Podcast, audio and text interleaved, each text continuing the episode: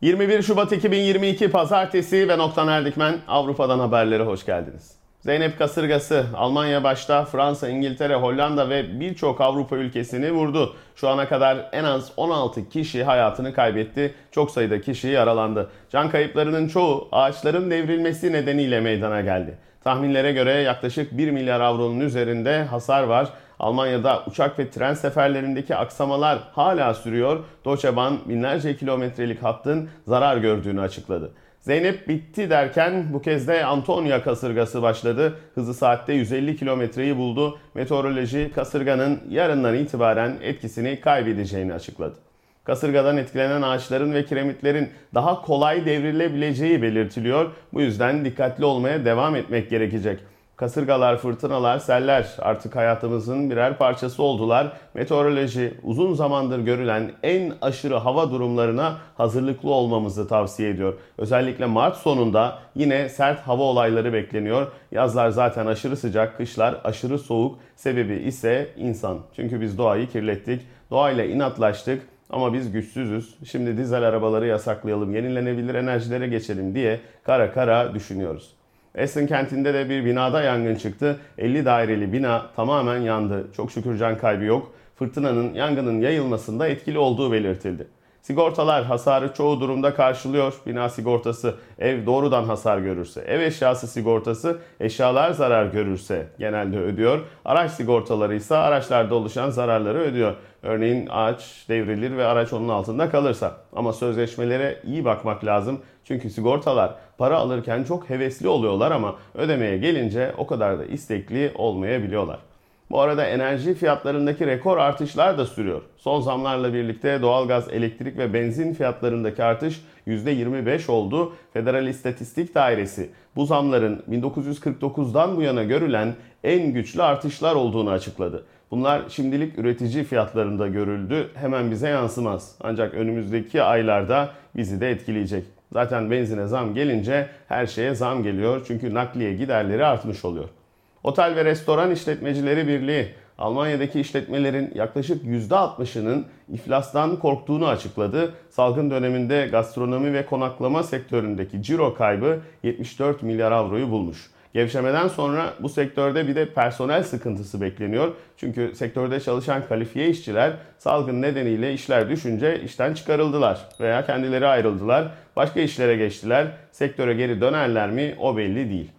Sahte kiralık ev ilanları artmaya başladı. Kuzey Ren-Vestfalya Tüketici Derneği emlak piyasasında hiç olmadığı kadar büyük dolandırıcılık sorunu yaşandığını açıkladı. Bir evi 30 kişiye kiraya veriyorlar dolandırıcılar. Piyasada zaten ev yok. Ev bulduğum ne güzel diye seviniyor insanlar. Bir gidiyorlar 30 kişiye aynı şeyi söylemişler, kapor almışlar. Ödeme yapmadan belgeleri çok çok iyi kontrol etmekte fayda var. Salgının etkisi de azalmaya devam ediyor. Almanya'daki yeni vakalar 74 bin olarak açıklandı. Geçen hafta aynı güne göre 3500 daha az. İnsidans da 1346'ya düştü. Hükümet 9 Mart'ta temel önlemleri görüşecek. 18 Mart'ta da yeni kararlar bekleniyor. Mevcut enfeksiyondan koruma yasası zaten 19 Mart'a kadar geçerli. Yenilenip yenilenmeyeceği belli değil. Sağlık Bakanı La Tarba, Omikron'un alt varyantı olan BA2'deki artışa dikkati çekti. Önlemler çok hızlı gevşetilmemeli, bu salgını gereksiz yere uzatır dedi. Köln şehrinde bu alt varyantın oranı %25'e ulaşmış. Varyantın varyantı çıktı BA2. Hükümet zorunlu aşılama konusunda da tam anlaşamıyor. SPD Grup Başkan Yardımcısı Adalet Bakanı Bushman'ı eleştirdi. Tüm kısıtlamaların kaldırılması aşılama oranına bağlı dedi. Bushman Spiegel'e yaptığı açıklamada zorunluluk kararıyla ilgili bazı şüpheleri olduğunu söylemişti. FDP'lilerde bir çekince var. Meclis Başkan Yardımcısı Kubicki de zorunlu aşılamaya karşı çıkıyor. Bunun için meclisten çoğunluk kararı çıkmayacağını düşünüyor. Başbakan Olaf Scholz ise tam destek veriyor. Hükümette kafalar bu konuda karışık. Federal hükümet Paskalya öncesinde seyahat kurallarını da gevşetmeye hazırlanıyor.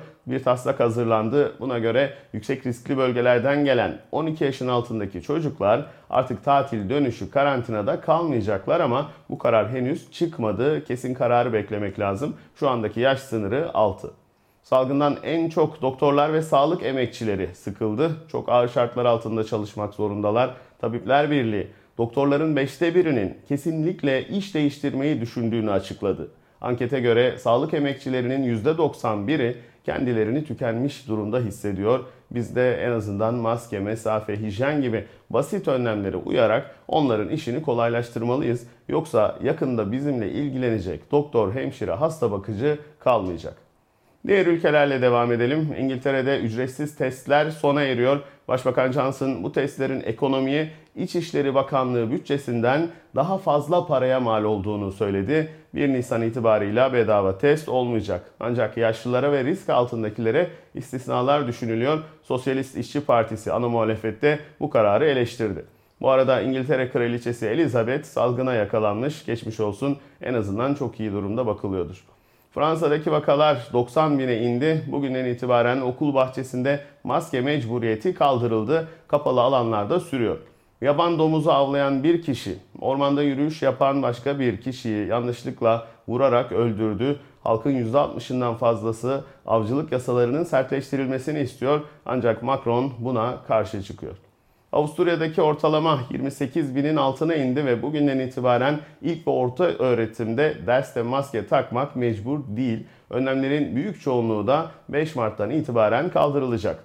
Çalışma Bakanlığı önlemlerin gevşetilmesiyle birlikte işletmelere verilen yardımların da çoğunun sona ereceğini açıkladı. Salgından çok etkilenen sektörler, konaklama gibi, havacılık gibi yardımlardan yararlanmaya devam edecek. Diğerlerinin Mart sonunda bitirilmesi planlanıyor. Belçika'daki vakalar 10 bin bandına indi. Bugün itibarıyla 12 yaşından küçük çocuklar okulda maske takmak zorunda değil.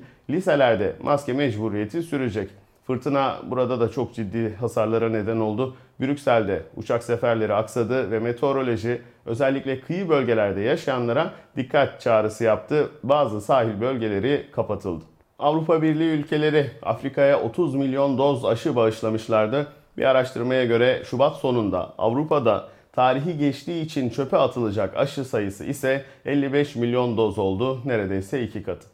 İsviçre'de önlemlerin çoğu 17 Şubat'ta kaldırıldı. Şu anda toplu taşımada ve sağlık sektöründe maske zorunlu. Mart sonunda diğer önlemlerin de kaldırılması bekleniyor. Salgın tam geçiyor diye umutlanıyoruz. Bu sefer de bir savaş tehlikesi baş gösterdi. Ukrayna-Rusya sınırındaki gerginlik artıyor. Ruslar, Ukraynalılar saldırı yaptı diyor. NATO, Rusya'nın sınıra asker sevk ettiğini söylüyor. Gerilim hat safhada. ABD'li bir şirket uydu görüntüleri paylaştı. Buna göre Ukrayna 3 taraftan kuşatılmış durumda. Donetsk şehrinde bir patlama meydana geldi. ABD Dışişleri Rusların işgale bahane olsun diye sahte saldırılar düzenleyeceğini iddia etti. Rusya ise ısrarla işgal falan yok. NATO bizi bahane ediyor. Doğu Avrupa'ya kendisi yerleşiyor görüşünde. İnşallah bir savaş çıkarmazlar. Tam salgın bitti derken çok gereksiz bir savaş kapımıza geldi maalesef. Hollanda'da ortalama 50 binin altında Başbakan Rutte artık normalleşme dönemine giriyoruz. Birbirimizi ziyaret edelim, dayanışma içerisinde olalım dedi. Hollanda hükümeti bağımsız bir kuruluşa Endonezya'da işlenen suçlarla ilgili bilimsel bir araştırma yaptırdı. Ortalık karıştı. Rapora göre Hollanda'ya karşı bağımsızlık savaşı başlatan Endonezyalılar yargısız infaza, işkenceye, kundaklamaya ve keyfi gözaltılara uğradılar. Başbakan Rutte hükümet adına Endonezya'dan özür diledi. Soruşturma bu konuda davalar açıldıktan sonra başlatılmıştı. Amsterdam'a gidenler bilirler. Muhteşem bir şehir. O kanallar genellikle sömürge paralarıyla yapılmıştı. Hollanda'nın bugünkü zenginliğinin temelinde sömürgeciliğin büyük etkisi var. Endonezya 1945'e kadar Hollanda sömürgesiydi. O sene bağımsızlığını ilan etti ama Hollanda ve İngiltere bunu tanımadı. Bir savaş başladı. Ülke içerisinde bazı işbirlikçiler emperyalistlerle beraber hareket ettiler. Bunlar Hollandalı bir yüzbaşı. Yüzbaşı Westerling komutası altındaydı. Burası ilginç, bizi ilgilendiriyor. Çünkü Raymond Westerling'in ailesi Levantendi. Yani Türkiye'de yaşayan Avrupalılardandı. İstanbul doğumluydu. 22 sene İstanbul'da yaşamıştı. Bu ortaya çıkınca Türk basını kendisinden müthiş Türk diye söz etmeye başladı. Müthiş Türk aşağı, müthiş Türk yukarı. Pehlivan lakabını taktılar. Milli kahraman ilan eden oldu. Hakkında övgü dolu yazılar yazdılar. Süpermen gibi karikatürleri çizildi. Halbuki Westerling profesyonel bir askerdi ve Nazi döneminde Hollanda'da çarpışmıştı. Gayri nizami harp uzmanıydı. müthiş Türk ilan edilen bu yüzbaşı Endonezya'da katliamlar yapıyordu. Binlerce kişinin ölüm emrini bizzat veriyordu. Endonezyalılar lakabından dolayı kendisini Türk zannettiler ve iki ülke arasında kriz çıktı. 26 Şubat 1950'de Türkiye'deki tüm gazetelerde Westerling'in Türklükle alakası yoktur başlığıyla bir haber yayınlandı. Hollandalı asi denildi. Binlerce kişinin ölüm ömrünü bizzat verdiği denildi. Müslüman halkta güven sağlasın diye Türk'üm diye yalan söylüyor denildi. Hatta bir gazete kaynanasının ondan hiç memnun olmadığını yazdı. Bu arada bağımsızlık savaşını Endonezya kazandı. Westerling önce kaçtı, sonra tutuklandı, Hollanda'ya gönderildi. Uzun bir süre gözlerden kayboldu. Müthiş Türk unutulmuştu. Ta ki ticaret yapmak için 1966'da Türkiye'ye gelmek isteyene kadar.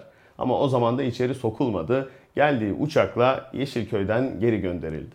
Onu sadece Türkiye değil Hollanda'da kabul etmek istemiyordu. Endonezya'daki katliamların bizimle alakası yok. Kendi kafasına göre yapmış dediler. Tek başına sorumlu tutmaya çalıştılar. Westerling bunun üstüne bir video çekti. Ama yayınlamadı. Yöneticilere verdi ve burada katliamları emir komuta zinciri içinde Hollanda ordusunun talimatıyla yaptığını söyledi. Bu kayıt gizlendi. 2012 yılına kadar ve ortaya çıktığında Westerling hayatını çoktan kaybetmişti. Yaptıkları yanına kar kaldı. Ona ve benzerlerine bunları yaptıranlar şimdi insan hakları dersi veriyorlar. Aslında dünya halkları huzur ve barış içinde yaşayabilirlerdi. Ama Pablo Neruda'nın dediği gibi haydutlar geldiler uçaklarıyla, yüzükleriyle, düşesleriyle haydutlar, taktisler dağıtan kara keşişleriyle haydutlar geldi gökyüzünden çocukları öldürmek için. Hoşçakalın.